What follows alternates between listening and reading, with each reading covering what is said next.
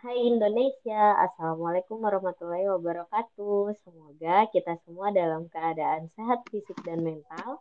Semoga keresahan Puan kali ini dapat termaknai dengan utuh dan dapat dijadikan pembelajaran untuk kita. Enjoy it and let's discuss. Asik. Lemes banget tuh, ye. Pendek banget lagi, ye.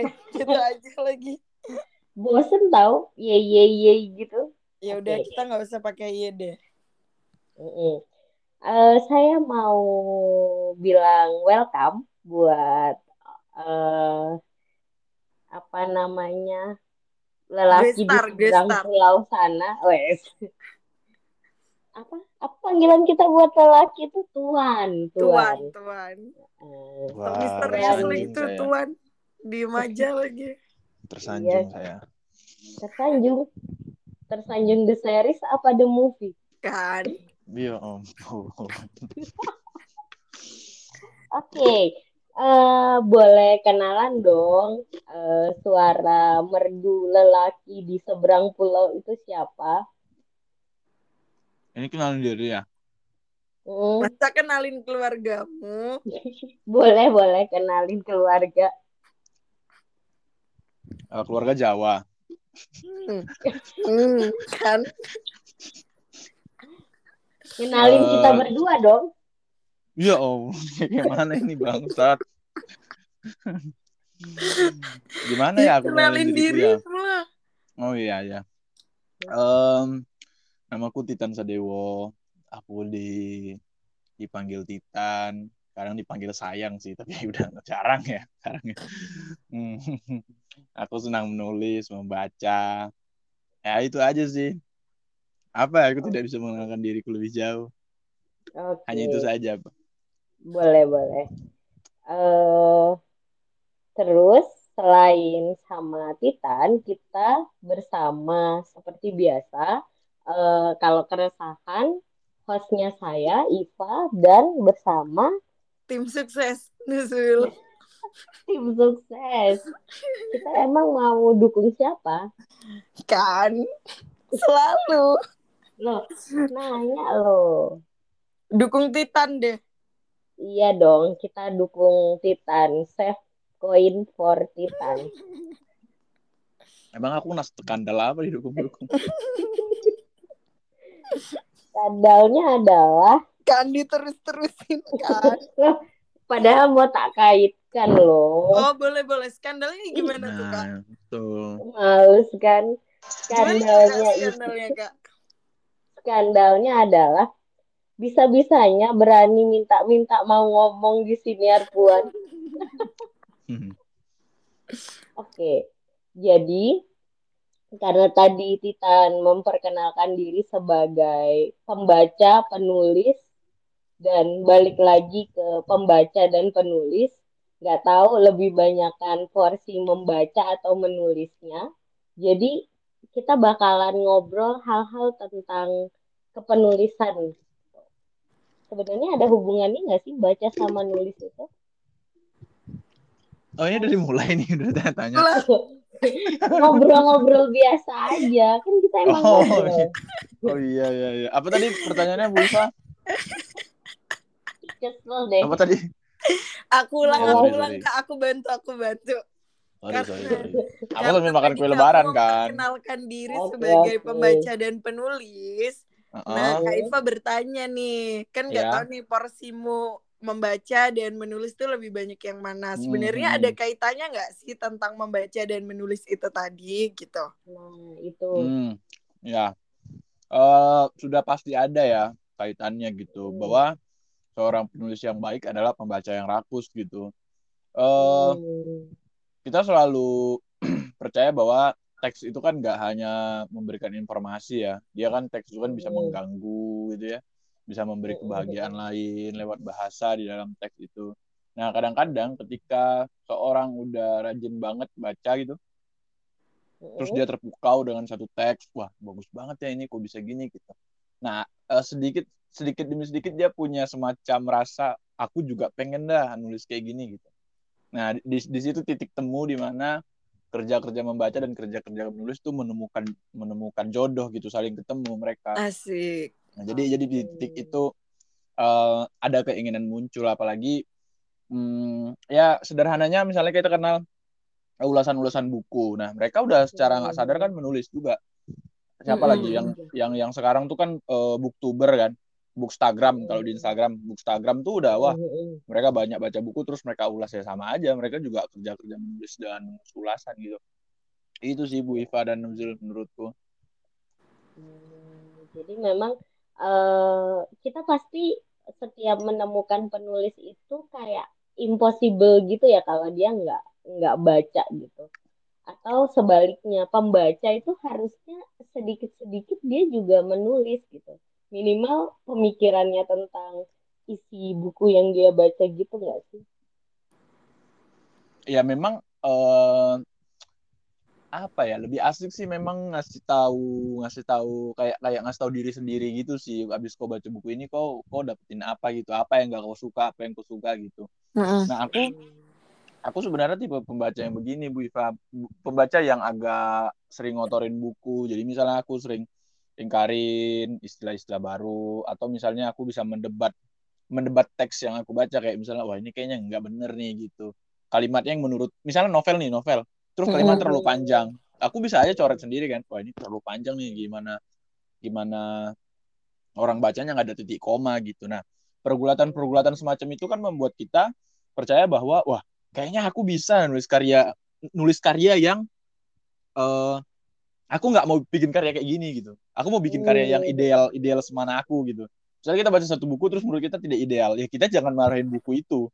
Ya kita bikin aja buku bikin aja karya yang lebih ideal menurut kita kan. Jadi nggak mesti marah-marahin marah-marahin bukunya ah ini buku jelek bla bla bla gitu. Kayak gitu gitu di titik itu sih sebenarnya cara-cara aku membaca bekerja. Oh ini pengetahuan baru sih buat aku. Maksudnya kalau buku-buku non fiksi mungkin karena aku tuh ini ya apa namanya profesi ya tuntutan profesi. Akhirnya kan bacaannya lebih banyak non fiksi ya mm-hmm. uh, terutama teks-teks buku psikologi gitu. Jadi tuh ya wajar kalau buku teks buku non fiksi yang apa memang menjelaskan istilah tertentu atau memberikan contoh tentang apa itu dicoret-coret bagiku wajar. Tapi sepanjang aku baca novel tuh aku nggak pernah nyoret-nyoret novel. Sama. Selain eh, selain menandain oh ini quotes. Sama sih. Uh, berarti mungkin emang nggak semua orang punya skill untuk itu gitu nggak sih kak? Berarti poin yang digaris bawahi gitu. Karena kan uh, kalau yang aku tangkap sih poinnya kan dia tahu nih maksudnya ketika dia merasa resah dengan tulisannya itu dan dan gak semua orang merasa resah dengan itu gitu. Jadi kayak oh. ya itu tergantung sama skill pembaca sih ya nggak sih? Oh iya bisa jadi begitu. Bukan karena gender kan ya? Enggak sih menurutku. Uh, apa ya? Gimana, gimana? Uh, di di bagian tertentu kadang-kadang aku membaca satu puisi atau satu cerpen aku langsung ngasih catatan aja langsung di situnya. Karena kan uh, karya yang bagus itu kan sebenarnya karya yang mengganggu kita gitu ya. Kayak wah kok gini gitu. Atau kayak wah kok kok kok bisa kok bisa mikir begini penulisnya gitu. Nah di titik hmm. itu ya harus dicoret kan. Maksudnya dicoret dalam artian ya kita kasih kritikan kita kasih satu pembacaan lain gitu Nah, ada juga satu istilah-istilah kayak misalnya pasti Bu Iva sebagai dosen ngerti lah gimana uh, apa namanya lingkup-lingkup di mahasiswa. Misalnya ya, uh, oh. udah kamu Zul jangan baca buku ini Zul, ini buku berat gitu. Pasti tuh ada tuh kalimat seperti itu kan? Iya, ada terus, ada kita ngelihat orang terus dia harusnya bacanya yang kayak gini gitu. Betul, betul, betul. Nah, uh, sebelum aku lanjut ini namanya sebenarnya uh, istilahnya book shaming gitu. Jadi misalnya oh. si Nuzul baca oh. buku-buku pop, misalnya apa? Katakanlah saja lah penulisnya siapa? Misalnya Terelie, Boy Chandra, oh. Firsa Besari. Nah, kalau misalnya aku bilang Zul, kamu ngapain baca-baca buku Terelie gitu Zul? Mending kamu baca baca-baca buku Pram aja. Nah, itu udah book shaming. Itu udah book shaming, oh, melecehkan bacaan dia gitu. Nah, itu nggak baik menurutku. Nah, kan sama, kan kasusnya sama nih. Seperti misalnya aku bilang, Zul, kamu nggak usah baca buku Sigmund Freud deh, ini buku berat, kamu nggak bisa baca gitu. Nah, sebenarnya kan nggak ada istilah berat, buku berat dan buku ringan. Tidak hmm. ada sama sekali dalam pembacaanku. Karena begini. Ada loh kalau ditimbang. Iya. Oke, oke lanjut lanjut. karena karena begini, misalnya satu titik, misalnya si Nuzul baca dunia Sopi, terus dia nggak ngerti gitu, eh ini apa sih? Hmm. Kok dari kok dari apa namanya filsafat filsafat Yunani yang lama banget, yang yang yang filsuf tuh mengira bahwasannya dunia ini semua berasal dari air. Kan di dunia Sopi itu dari awal sampai sampai akhir banget gitu ya. Ya berarti kan bukan salah bukan salah bukunya, salah si Nuzulnya karena wawasan membaca dia belum mencapai titik itu gitu. Jadi di titik tertentu ya nggak apa-apa, nggak ada buku berat, nggak ada buku ringan. Dia si Nuzul atau si aku yang belum mengerti teks itu ya mesti belajar lagi kan, mesti baca wawasan yang lain lagi gitu. Nah di titik-titik itu ya biarkan aja si Nuzul baca Boy Chandra dulu, Firsa Besari dulu, Terele dulu ya. Kalau dia langsung baca Pram terus dia kebingungan gimana gitu. Nah, Iya di titik itu sih sebenarnya. kan ya. Betul, betul, Bu Iva. Dia miss Jadi juga dan dia jadi nggak dapat apa poin Ya. yang dia baca. baca, betul. Benar benar. Jadi nggak apa-apa, ringan-ringan aja, nggak usah di nggak usah di shaming shamingin gitu. Semua semua orang baca juga bagus kok, gitu. Baca Quran terutama ya kan. Masya Betul. Allah. Mungkin karena masih bulan Syawal ya. Lebaran, Sawal ya betul. Oke oke, menarik menarik. Eh, karena memang eh, setiap kalau bahasanya salah satu idola saya itu em, apa setiap buku itu punya pasarnya masing-masing. Jadi nggak nggak perlulah di apa Betul. namanya kita eh, menuding bahwa bacaan dia lebih buruk atau lebih baik dari kita. Betul, betul. Aduh, inspiratif sekali. Gester kita kali ini ya. Terima kasih, terima Benar-benar. kasih, terima kasih. Saya tersanjung. Terima kasih, terima kasih. Si besar kepala oke. memang. Tapi eh, sebenarnya pe- ngomong-ngomong masalah membaca ini, itu kan Mm-mm. tadi kaitannya sebenarnya jadi menggelitik seorang pembaca untuk menulis nih. Nah, sebenarnya eh, menulis menghasilkan karya itu apakah karena sekedar keresahan dari bacaan-bacaan yang ada atau kalau Titan sendiri ya, kalau Titan sendiri Mm-mm. eh, menulis itu karena memang eh, ini keresahan dari bacaan-bacaan yang sudah dibaca atau atau kenapa? eh ya pastilah eh karena bacaan-bacaan numpuk sudah selesai gitu ya jadi semuanya tuh membekas di kepala gitu. Itu itu eh, alasan pertama yang seperti Bu Iva bilang tadi gitu karena terlalu banyak membaca penuh gitu ya terus dia meledak jadi tulisan misalnya gitu. Tapi yang paling penting sebenarnya eh, prinsipku membaca sebenarnya adalah eh, menawarkan bencana ke orang lain sih sebenarnya. Jadi kalau karya-karyaku eh, dibaca orang aku tuh pengen mereka tuh merasakan jijik gitu merasakan kesal atau merasakan sebuah emosi lah setidaknya gitu. Jadi aku ngasih bencana lain lewat karya-karyaku aku. Pingin atau atau tujuanku sebenarnya menulis seperti itu. Tapi kalau itu pun tidak tercapai ya tidak tidak masalah. Itu bukan satu hal eh, kewajiban gitu ya. Dan nggak tahu kenapa ya menulis tuh kayak rutinitas makan dan minum aja menurutku. Jadi kayak misalnya kalau tidak nulis eh, satu hari itu rasanya kayak wah kenapa ya nggak nulis hari ini ya? Gitu. Ya kan kehidupan kita terus berjalan dan apa saja sebenarnya bisa ditulis. Kan dalam eh, kepenulisan bukan bukan bukan temanya yang mesti kita tentukan tapi bagaimana kita mengeksekusi temanya kan. Semua tema udah dibahas semua orang sudah membahas cinta. Berapa orang berapa penulis tuh anjir kayaknya semua orang pernah nulis tentang cinta deh gitu. Iya, benar, Iya, betul. Ap apalagi gitu yang mau kita bahas. M- misalnya Joko Pinurbo mau nyari atau mau eh, membuka jembatan mainstream misalnya gitu. Dia bahas celana, bahas kuburan, Hmm. bahas tai lalat atau apa dan lain-lain. Ya, pada akhirnya kan banyak orang juga yang ngikutin dia gitu. Benar. Nah, jadi benar, apa benar, apa benar. apa bedanya dia dengan orang-orang itu gitu kan?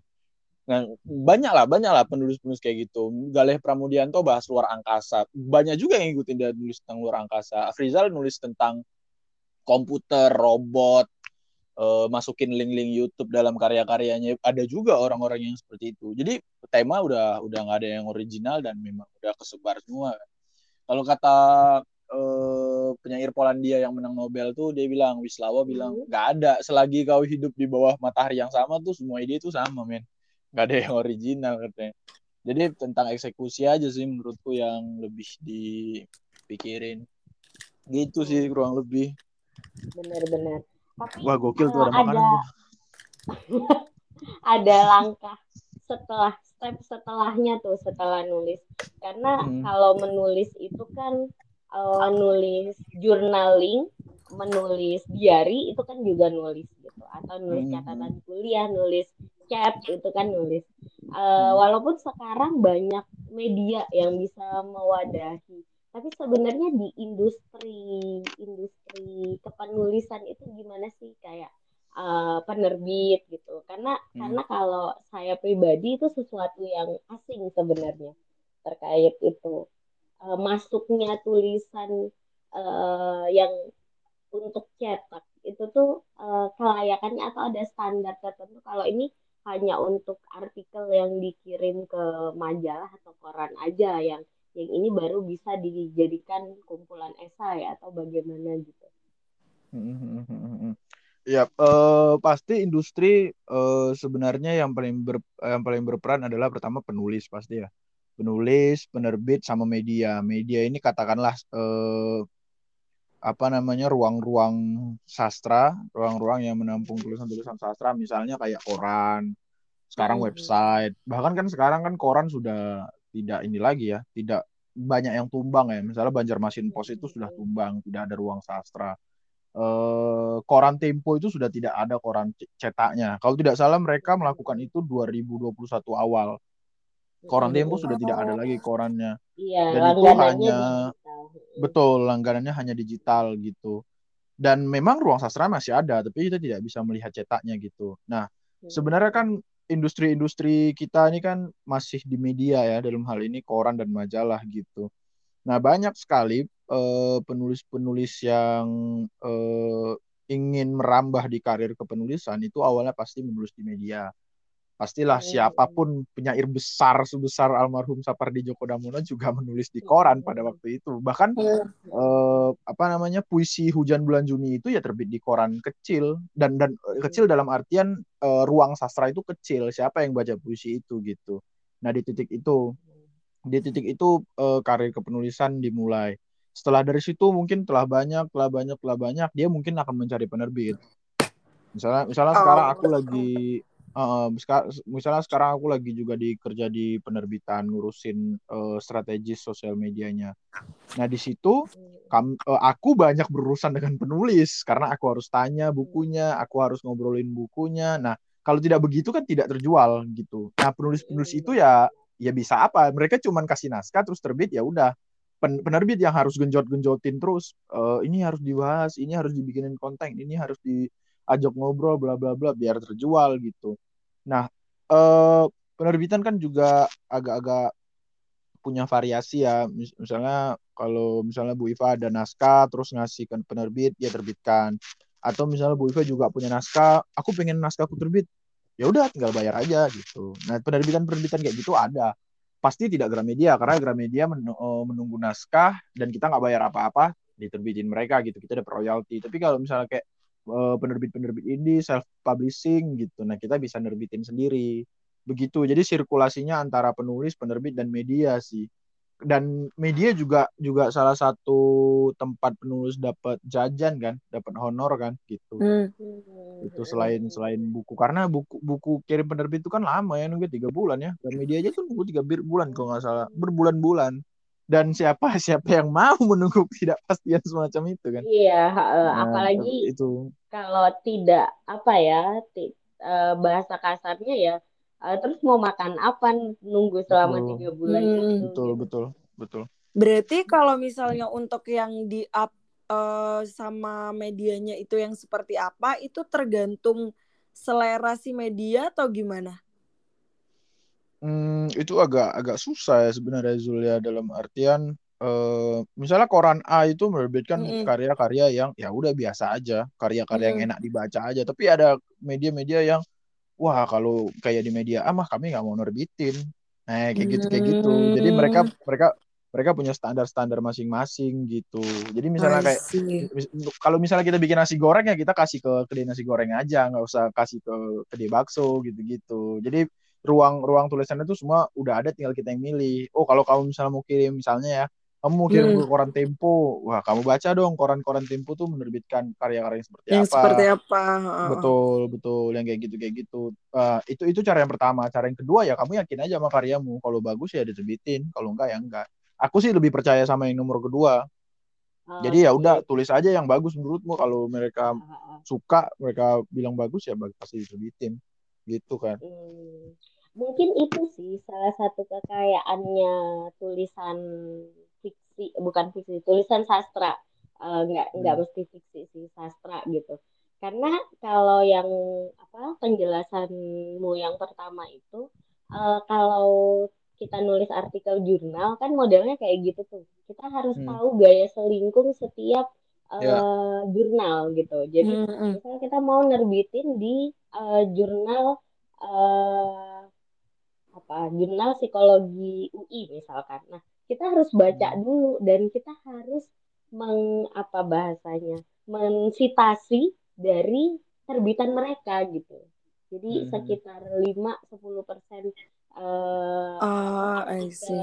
Hmm. artikel sih eh, literatur kita itu dari terbitan mereka kayak gitu. Jadi memang ada ada gaya selingkungnya, model penulis apa model tulisan, gaya bahasanya, bukan sekadar sistematika gitu gaya bahasanya. Terus kita juga harus mengutip dari yang sudah mereka terbitin. Rata-rata gitu sih kalau eh, apa namanya jurnal artikel yang reputasinya bagus gitu. Jadi eh, jauh lebih kaku sebenarnya daripada eh, terbitan-terbitan sastra sepertinya loh ya gitu. Hmm, sepertinya menarik. Tapi Tan aku tuh punya pertanyaan yang apa karena akunya aja yang eh, lingkup bacanya kurang banyak atau eh, memang apa penulis-penulis sastra terutama yang terkenal yang yang dikenal di Indonesia itu kok kebanyakan laki-laki ya bukan Oh, perempuan. bener, bener, bener, bener. Aku juga Aku merasa. pribadi itu sukanya Joko Pinurbo, Adimas Immanuel. Itu kan cowok Hmm. Hmm. gitu. Atau eh, emang emang ya. nggak ada atau gimana sih? Ya, eh, sebenarnya kan ini kan hanya semacam eh, keterbatasan wawasan aja sih sebenarnya Bu Iva menurutku eh ya balik lagi ke personal kan maksudnya kalau kita mencari eh karya-karya laki-laki ya kita bakal menemukan yang laki-laki gitu. Tapi ya Hmm. banyak sih sebenarnya penulis-penulis perempuan ya. Misalnya katakanlah di Lestari, eh, Oka Hmm. Rusmini, Rika Saraswati, yang terbaru sekarang yang bukunya baru masuk ke Salah Sastra tuh terbitan Tera, Widya Mareta, Puasa Puisi. Ya gimana ya? Eh, aku sih nggak bisa bilang bahwasannya yang laki-laki lebih menonjol gitu. Ya dua-dua menonjol. Oh, dua-dua menonjol dengan titik eh, pembahasan yang sebenarnya agak eh, berbeda gitu. Kita bisa bayangkan kalau misalnya laki-laki membahas tentang perempuan tuh kan agak gimana gitu ya. Maksudnya perempuan yang lebih tahu tentang dirinya sendiri gitu. Karena kan tubuh perempuan dan tubuh laki-laki kan lebih kompleks perempuan. Perempuan bisa melahirkan, perempuan bisa menyusui, perempuan bisa ya dan lain-lain lah. Perubahannya tuh lebih lebih kompleks. Signifikan. Hmm. Betul, Ta- lebih Tapi novel novel-novel yang membahas tentang pelacur, seenggaknya yang aku tahu ya, Tuhan Hmm. izinkan aku jadi pelacur Ya, di itu titik laki-laki. itu tuh laki-laki yang nulis. Ya, Jadi perempuan di titik nol tetap perempuan di perempuan. titik nol tuh Oh iya, perempuan titik awalnya perempuan Eh, titik eh, sorry sorry. ya. Eh, ini apa apa sih tadi?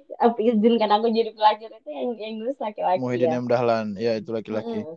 eh tapi kan kita bisa menemukan ini Mbak, men- menemukan titik lain gitu. Kalau misalnya perempuan bahas perempuan, misalnya ya, ada satu buku tuh yang aku cukup eh, suka sekali buku itu. Salah satu buku kesukaanku itu judulnya Pandora. Pandora itu kan mitologi Yunani yang kotak. Kalau kita buka tuh dunia hancur gitu ya. Mitologi Ya. Yunani kan gitu. Nah, itu yang nulis Mm-mm. Oka Mm. Rusmini ini seorang penyair Bali. Dia membahas tentang kelahiran dan itu memang, aduh, ngeri banget emang dia dia jujur-jujuran aja ngomongin kelahiran ngomongin perempuan kena kutukan benar benar ngomongin wah itu itu menurutku cadas banget sih gitu nah aku tuh berpikir bahwa uh, mungkin mungkin saja ya laki-laki bisa menulis menulis sesadis itu tapi kan dia kan tidak mengenal secara nyata apa yang ya. Betul betul. Feelnya tuh pasti bakal beda dan ya sense bakal beda nyawanya bakal beda gitu. Nah di titik di titik itulah perempuan sering mengambil bagian. Misalnya Rike Saraswati banyak menulis tentang pelecehan seksual dalam puisi-puisinya. Oh Widya Mareta juga menulis tentang keperempuanan. Eh ada aku baru baca satu novel. Hmm. Raden Mandasia si Raden Mandasia si pencuri daging sapi. Itu laki-laki Iya. yang nulis Yusi Evianto Iya, Priano nulis laki-laki. betul. Eh kalau kita sadari di setiap tokoh perempuan di novel itu semuanya perempuan tuh nggak benar. Nyai Manggis pemimpin rumah pelacuran. Eh, Putri Tabasum perempuan yang cantik tapi ke- ke- kecantikannya tidak sesuai ekspektasi. Lalu dua pembantu Nyai Manggis yang sering eh, jadi pelacur melayani laki-laki. Eh, lalu melur yang berhubungan badan dengan tokoh pertama jadi kita kita kita bisa melihat bahwasannya bagaimana laki-laki memandang perempuan, bagaimana perempuan memandang perempuan gitu. Nah di titik itu, tapi di Raden Mandasia itu bukan berarti laki-lakinya menjatuhkan harkat martabat perempuan, ya Perempuan, karena hmm. tokohnya kayak gitu. Jangan salah, tokoh laki-laki pun mati semua di novel itu. Jadi di titik tertentu tuh ya ini cuma sekadar fiksi yang fiksi aja, nggak ada titik Hmm, oh ya udah kini kita kita jadiin pelacur aja nih tokoh perempuan Ya, nggak ada nggak ada yang kayak gitu kayak gitu. Ya sesuai kebutuhan cerita saja gitu. Nanti kalau misalnya teman-teman dengerin podcast ini dan udah baca Raden Mandasia tahu kok ba- bagaimana yang ku maksud kebutuhan cerita itu. Jadi menurutku di di, di titik itu sih sebenarnya eh Bu Iva ya Rendra juga menulis bersatulah pelacur-pelacur kota Jakarta kok. Tapi kan pasti berbeda kalau perempuan menulis tentang pelacur kan tidak sama Benar, benar, Rendra benar. gitu sudah pastilah kayak gitu di, itu sih menurutku Jadi Waduh, memang pengen jadi apa mega. namanya eh, sudut pandang penulis itu tetap yang paling utama ya, walaupun dia menggambarkan eh, tokoh itu dengan imajinasinya gitu. Ya. Mm. Pengalaman berarti. Iya betul betul. Nah, itu kalau lari ke penerbit, apakah eh, kemudian eh, menjadi pertimbangan tersendiri kalau kita balik lagi karena ada beberapa penerbit yang memang eh, melihat oh ini nggak sesuai dengan apa namanya model terbitan kami gitu-gitu. Hmm, pasti pasti setiap penerbit pengen atau punya semacam misi ya. Hmm, Eh karya-karya di penerbit Banana misalnya itu karya-karya yang sering membahas tentang eh, mitologi, tradisi, kenusantaraan. Gitu. Contohnya tadi Raden Mandasia, Tutur Dedes, Kura-kura berjanggut itu novel-novel tebal yang membahas tentang Nusantara. Dongeng-dongeng Hmm. Nusantara itu materinya berat sekali. Maksudku berat dalam artian bobotnya tuh waduh. Kan nggak semua orang mau baca saya tentang babat Raden. Mandasia baca dua bab habis itu nggak tak terusin. Ya itu, itu kan itu kan cukup berat tuh Bu Iva. Maksudnya. Raden Mandasia itu novel yang menurutku aduh anjir ini nih. novel betul betul udah tebel bobotnya tuh tebel gitu ya itu kan tentang babat tanah Jawa kan bagaimana petualangan dan dan di novel itu juga interteksnya tebel banget ada kita teringat kisah Yesus kisah Nabi Yunus kisah Hmm, Sangkuriang jadi tuh dirangkum dengan novel Iya. 400 halaman itu nah kan nggak semua orang bisa waduh anjir ini novel bagus eh nggak nggak mungkin nggak mungkin nggak semua orang tuh mau mau kayak gitu karena bobotnya tebel gitu. Nah, Banana mau menerbitkan kayak gitu. Tutur Dedes salah satunya. Tutur Dedes tuh eh, novel yang menceritakan bagaimana Ken Dedes dan Ken Arok. Kan selama ini kan kalau kita Hmm. dengar eh kamu tau nggak sejarah Ken Dedes Ken Arok? Oh iya, Ken Aroknya gini, Ken Hmm. Aroknya gini, Ken Aroknya bla bla bla. Nah, di Tutur Dedes lah gantian Dedes yang ngomong. Nah, ini Oh. sudut pandang perempuan. Hmm. Nah, sama kan tentang kerajaan juga, tentang mitos juga. Kura-kura berjanggut apalagi tentang Nusantara, tentang Hamzah Fansuri. Nah, ini Banana kan kita udah bisa ngeraba ya. Oh, Banana maunya naskah-naskah cerita-cerita yang kayak gini nih, novel-novel yang kayak gini nih gitu. Nah, kalau Indonesia Tera, Indonesia Tera itu mau eh naskah-naskah yang baunya lokalitas. Misalnya cerpen-cerpen tentang bagaimana kebudayaan Jawa, eh, bagaimana eh, mandi mayah ritual di suku Bajau yang eh, masukkan arwah orang lain ke dalam dirinya. Nah itu diterima. Cerita-cerita kayak gitu pasti diterima Tera tuh. Bagaimana orang-orang Minang eh, kayak gitu kayak gitu pakai diksi-diksi Minang cerita-ceritanya. Bagaimana di Makassar tuh di cerpen Alfian dia Patang tuh eh, gak tau orang Makassar tuh cari-cari tripang nyelam ke dasar laut yang gitu-gitu. Nah udah udah udah, udah kegambar kan? Jadi penerbit itu punya punya puisi misinya sendiri gitu Bu Iva. Kayak oh kami pengen naskah yang gini nih kami punya naskah yang gini-gini nih gitu. Jadi kayak ya visinya nampak lah dari karya-karya yang kita baca gitu. Benar. Jadi kita eh, apa namanya cukup survei terbitan-terbitannya tuh yang kayak gimana sih gitu ya kira-kira. yoi yoi. Hmm, pasti kita baca dulu karyanya kan? Mm-mm, bener lah. Saya selalu percaya kalau penulis eh, minimal tulisannya sudah terbit itu tuh dia adalah pembaca gitu. Karena impossible kosakatanya bertambah kalau dia Sekaya itu bener-bener. Ah, ah, bener. Enggak, ngefeel kok. Ke, cuma kalau di saya kan konteksnya tulis jurnal ya, nulis maksudnya artikel ilmiah gitu. Ketika eh, saya terlalu sering buka Netflix daripada buka jurnal, itu saya itu saya terdistrak gitu karena kan ringan banget kalau nonton gitu. Eh, mending baca baca jurnal gitu eh, lebih menyenangkan nonton gitu, lebih menyenangkan buka Netflix. Tapi itu membuat loadingnya lama banget gitu kalau mulai harus nge-review jurnal lagi gitu jadi butuh waktu daripada misal semingguan ini karena berkutat dengan bacaan-bacaan gitu Netflixnya agak terbengkalai nah yang gitu-gitu. Jadi memang harusnya orang yang menulis itu dia juga membaca. Yoi. Netflix and chill ya. Eh enggak maksudnya nonton aja nonton Netflix aja maksudnya gitu nonton Netflix aja gitu. Benar. Nujul jangan ketawa Nujul. Akan dulu tim sukses. nggak sih? Aku tanya kok. Aku Oh, iya. sambil menyimak, sambil menyimak. oke ya Netflix and chill ya Diterus-terusin, Re. Hmm. Eh, tapi ada nggak sih Titan? Maksudnya kayak eh, Hmm. tanpa menyebut tanpa menyebut penerbitnya ya. Maksudnya kayak ada nggak sih Hmm. penerbit-penerbit yang emang dia itu visi misinya memandang gender gitu. Jadi kayak emang ya emang dari sononya kayak eh, lebih lebih prefer atau lebih suka karya-karyanya cewek atau karya-karyanya cowok yang kayak gitu. Ada nggak? Hmm, nggak ada sih menurutku. Kayaknya semuanya sama rata ya. Tapi eh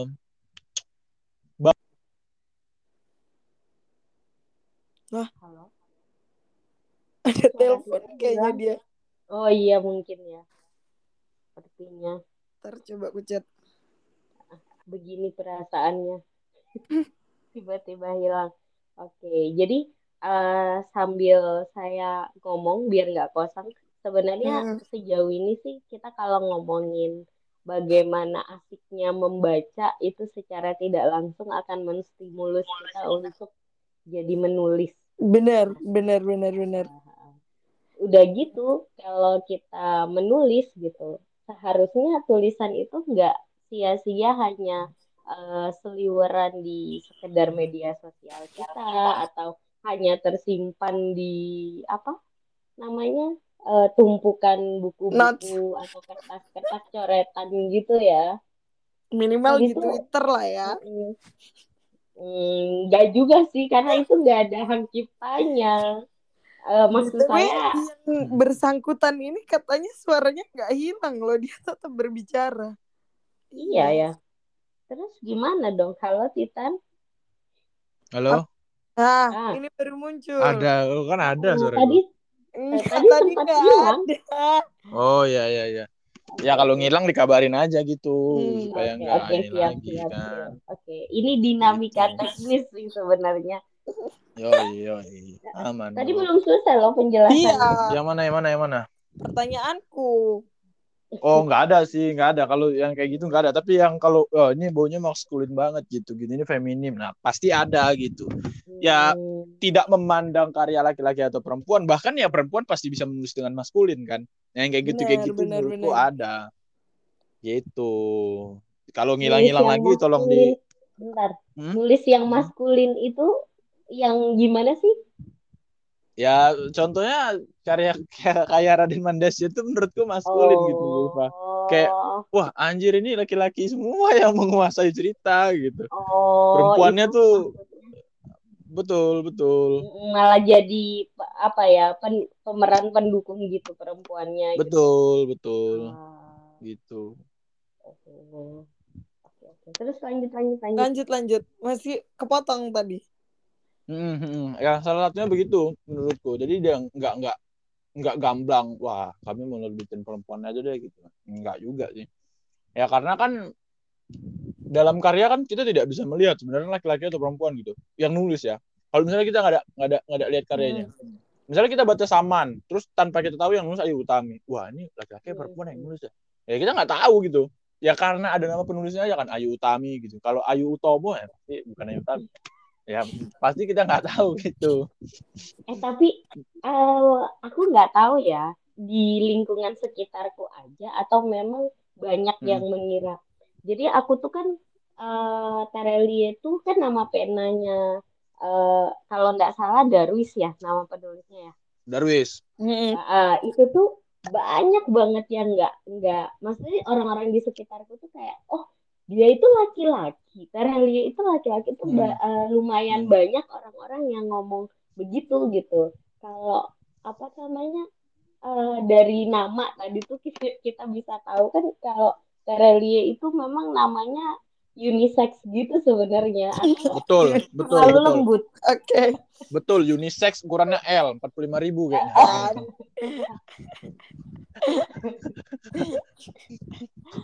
maksudku nggak gitu. Oh enggak.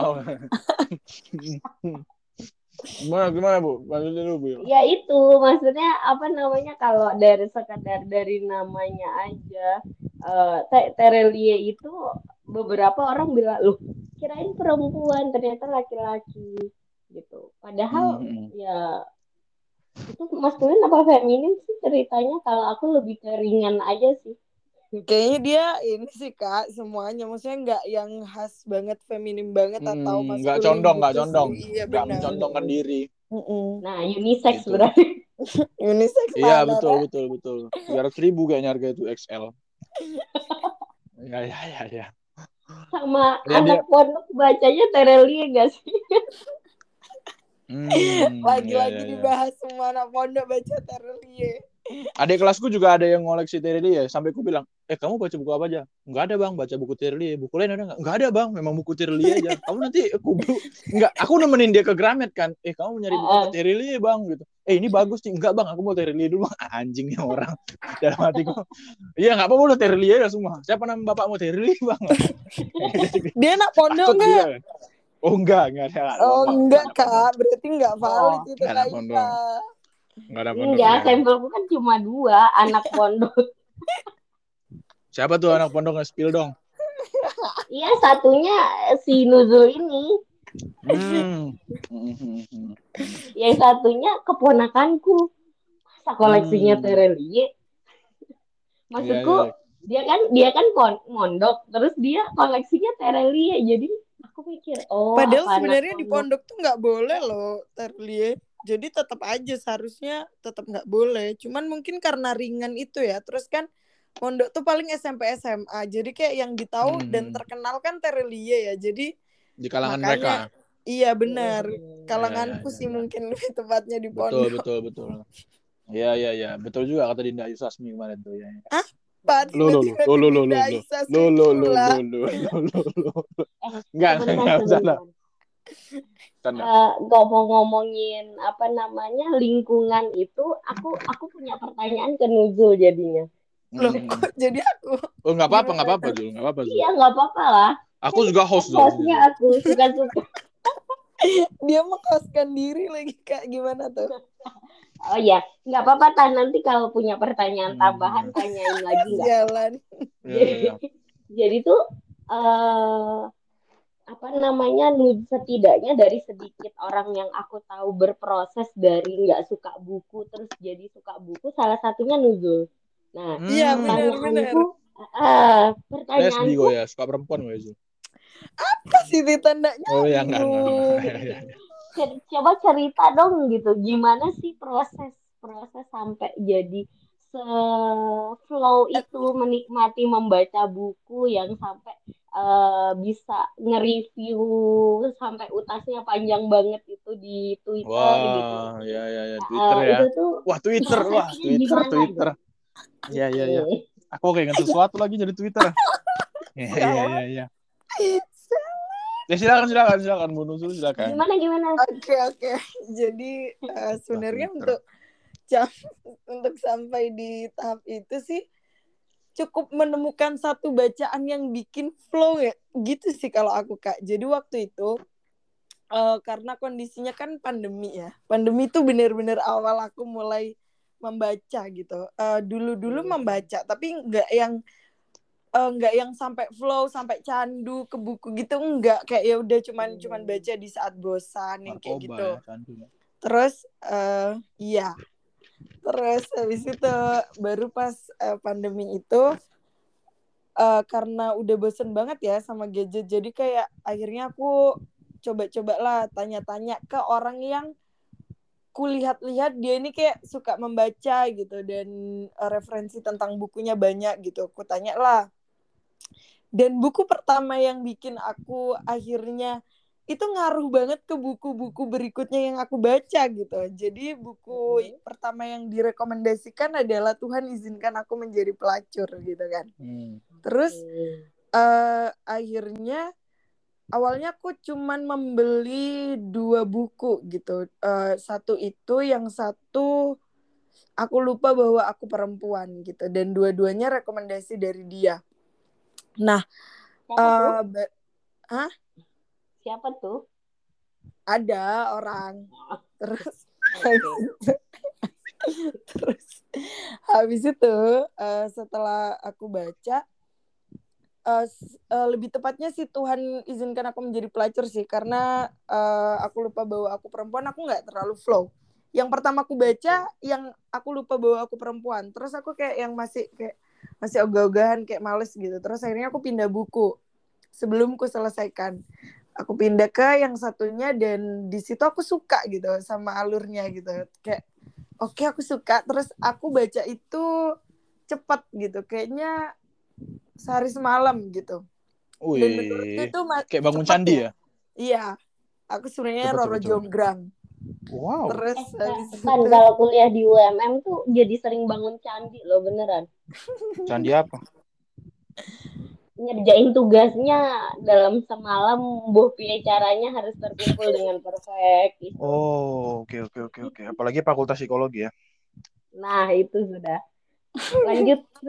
begitu terus jadi eh, akhirnya kenapa aku bilang itu berdampak ke bacaan-bacaan selanjutnya karena di situ membahas tentang feminis ya itu jadi kayak bikin aku penasaran terhadap penulis-penulis lain yang membahas tentang itu gitu. Jadi makanya awal-awal buku yang ku baca kebanyakan tentang itu gitu. Nah baru ya barulah baru dari situ mulai melebar ke genre-genre yang lain dan mulai candu itu karena kayak ya ya menemukan kenyamanan gitu aja sih sebenarnya kak.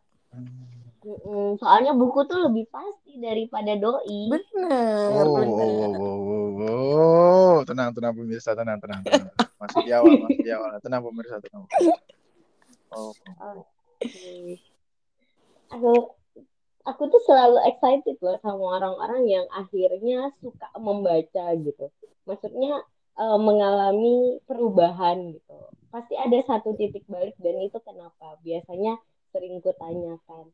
Karena aku tidak mengalami masa itu. Maksudnya eh, entah ya emang suka bagaimana dari dulu gitu enggak. Enggak ya, kayaknya kayak Bu merasa Iva kerja di toko buku kayaknya. kan Enggak ya? Oh, enggak ya? Oh, iya, iya. Bukan, jadi di, didikan di, aku kan dua bersaudara. Nah, eh, aku itu dari kecil, jadi aku membaca, bisa baca itu pas sebelum TK. Coba, bisa bacanya sebelum TK. Itu tuh mesti disodorinnya tuh dihadapkannya sama buku. Kalau main game, main, main itu nggak main karet, mainnya Scrabble coba. Nah, Hmm. Tapi adikku itu ketemunya sama musik, alat musik. Cuma waktu itu memang dia kecil itu pas orang tua lagi eh, giat-giatnya kan pelatih apa namanya marching band ya. Jadi tuh eh, sering diajak eh, ikut ke lokasi dan lain sebagainya. Jadi dia kenalnya itu sama alat musik dan tumbuh besarnya ya uh, jadi berteman sama Nuzul gitu di sanggar seni. Nah kalau aku ketemunya sama buku, jadi tuh kayak nggak ngerasain proses yang dari apa sih buku itu sampai jadi ya ampun buku itu menyenangkan gitu. Kalau Titan gimana ceritanya dengan buku dan apa namanya karir kepenulisan? Hmm, dulu itu aku baca ini buku paling keren sedunia itu Bu Iva. Buku jadul bukunya surga neraka. Itu kan buku yang bikin aku rajin sholat ya. Kan satu hari doang tapi itu buku buku yang bikin aku rajin sholat. Ini beneran ya, itu buku paling keren beneran beneran. Ini ini ini ini itu itu satu buku yang aku pengen jumpa sama ilustrator ya kan. Siapa yang tahu di neraka itu kayak gitu kan? Nah itu itu kan iya, penting iya, tuh iya. itu penting sekali. Menurutku dia ilustrator yang paling gokil seluruh dunia gitu. Orang lain gambar-gambar apel ya kan? Gambar-gambar sate misalnya gambar-gambar bakso dia gambar surga gambar neraka.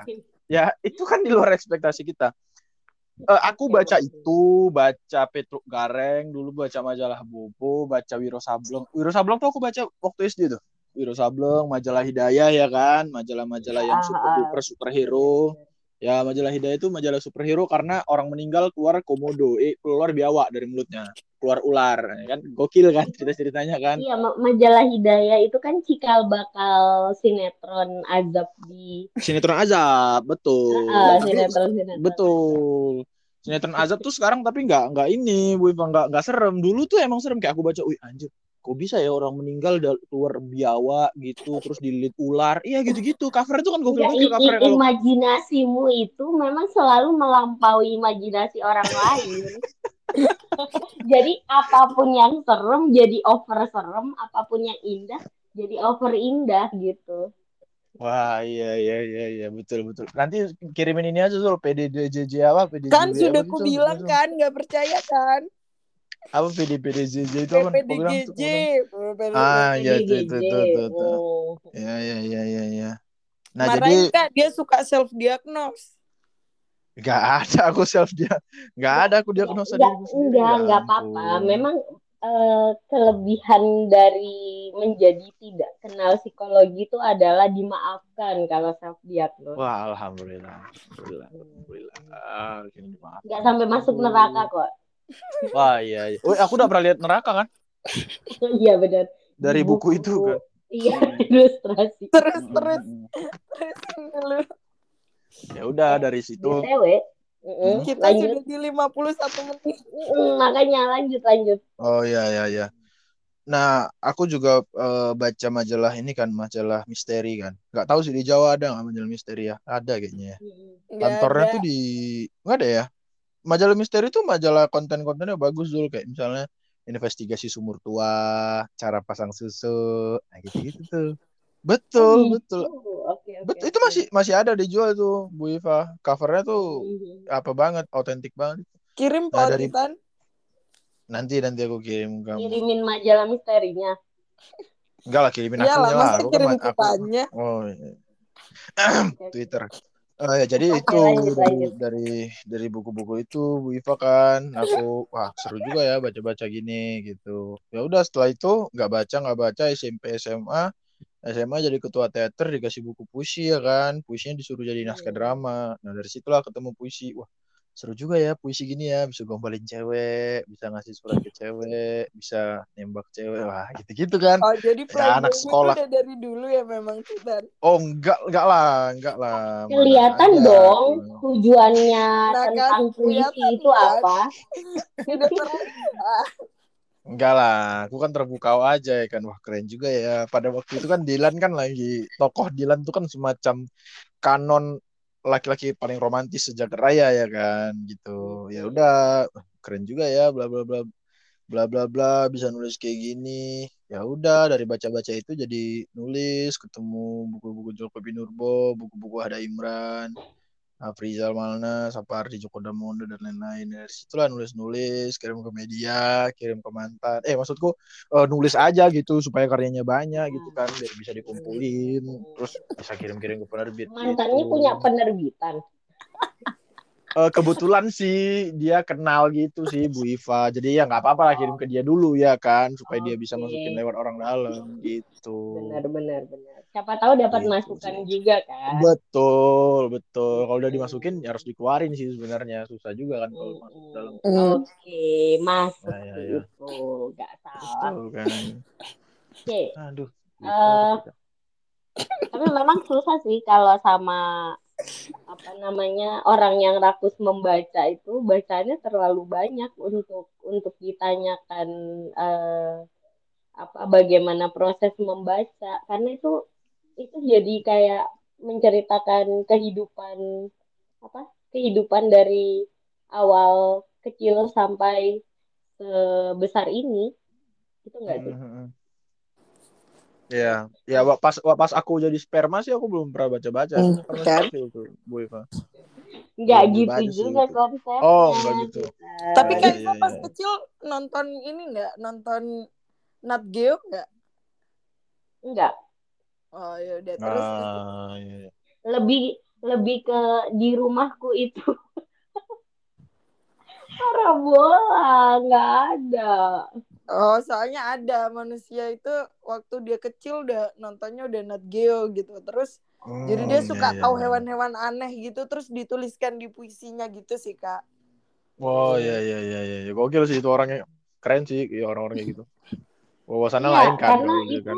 itu bagi bagiku itu memperkenalkan istilah menambah kosakata orang yang baca kalau menurut Benar, Bagus. benar. Betul betul betul betul. aku apresiasi aku aku aku paling senang kalau baca baca satu tulisan apa pun Hmm. itu entah itu konteksnya puisi atau buku non fiksi gitu yang itu ada istilah baru yang membuat aku nambah vocabnya gitu itu Hmm. lebih lebih Menarik. karena Heeh, karena oh ternyata selain menambah pengetahuan itu menambah kosakata lagi nih di aku gitu Betul betul. sebentar. Ini terakhir sebelum Ya. di closing. Karena udah menit ke 56. 55. 55 5 itu 56. Oke.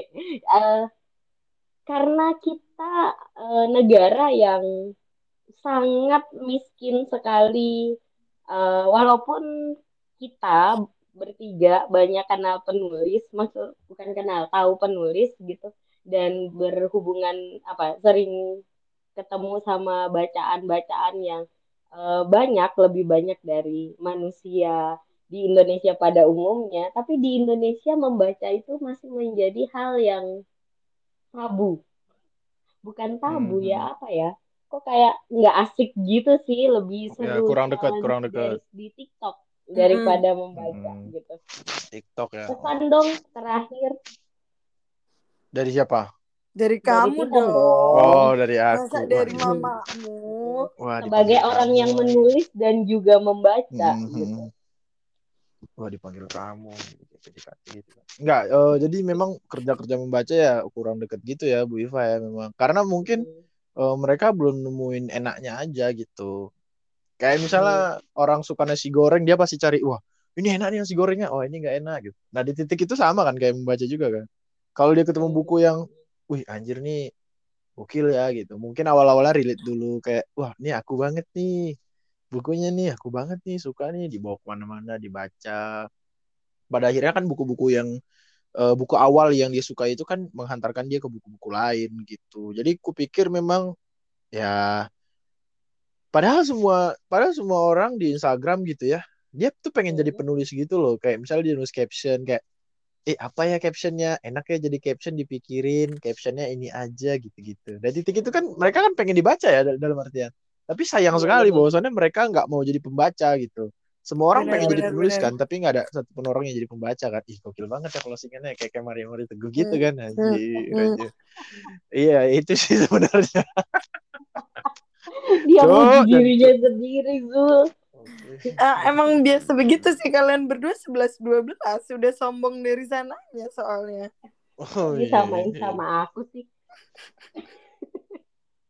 kok kenal deket banget sama aku Zul? Hmm, Ngarang Oke. aja sih tadi aku observasi Oh tuh iya, kan. iya. Observasi ya, udah kayak PLP ya. Oke, intinya itu memang iya ya, saya baru sadar bahwa banyak orang pengen jadi penulis tapi tidak banyak orang ingin membaca. Padahal penulis yang baik itu karena dia rakus membaca tadi ya.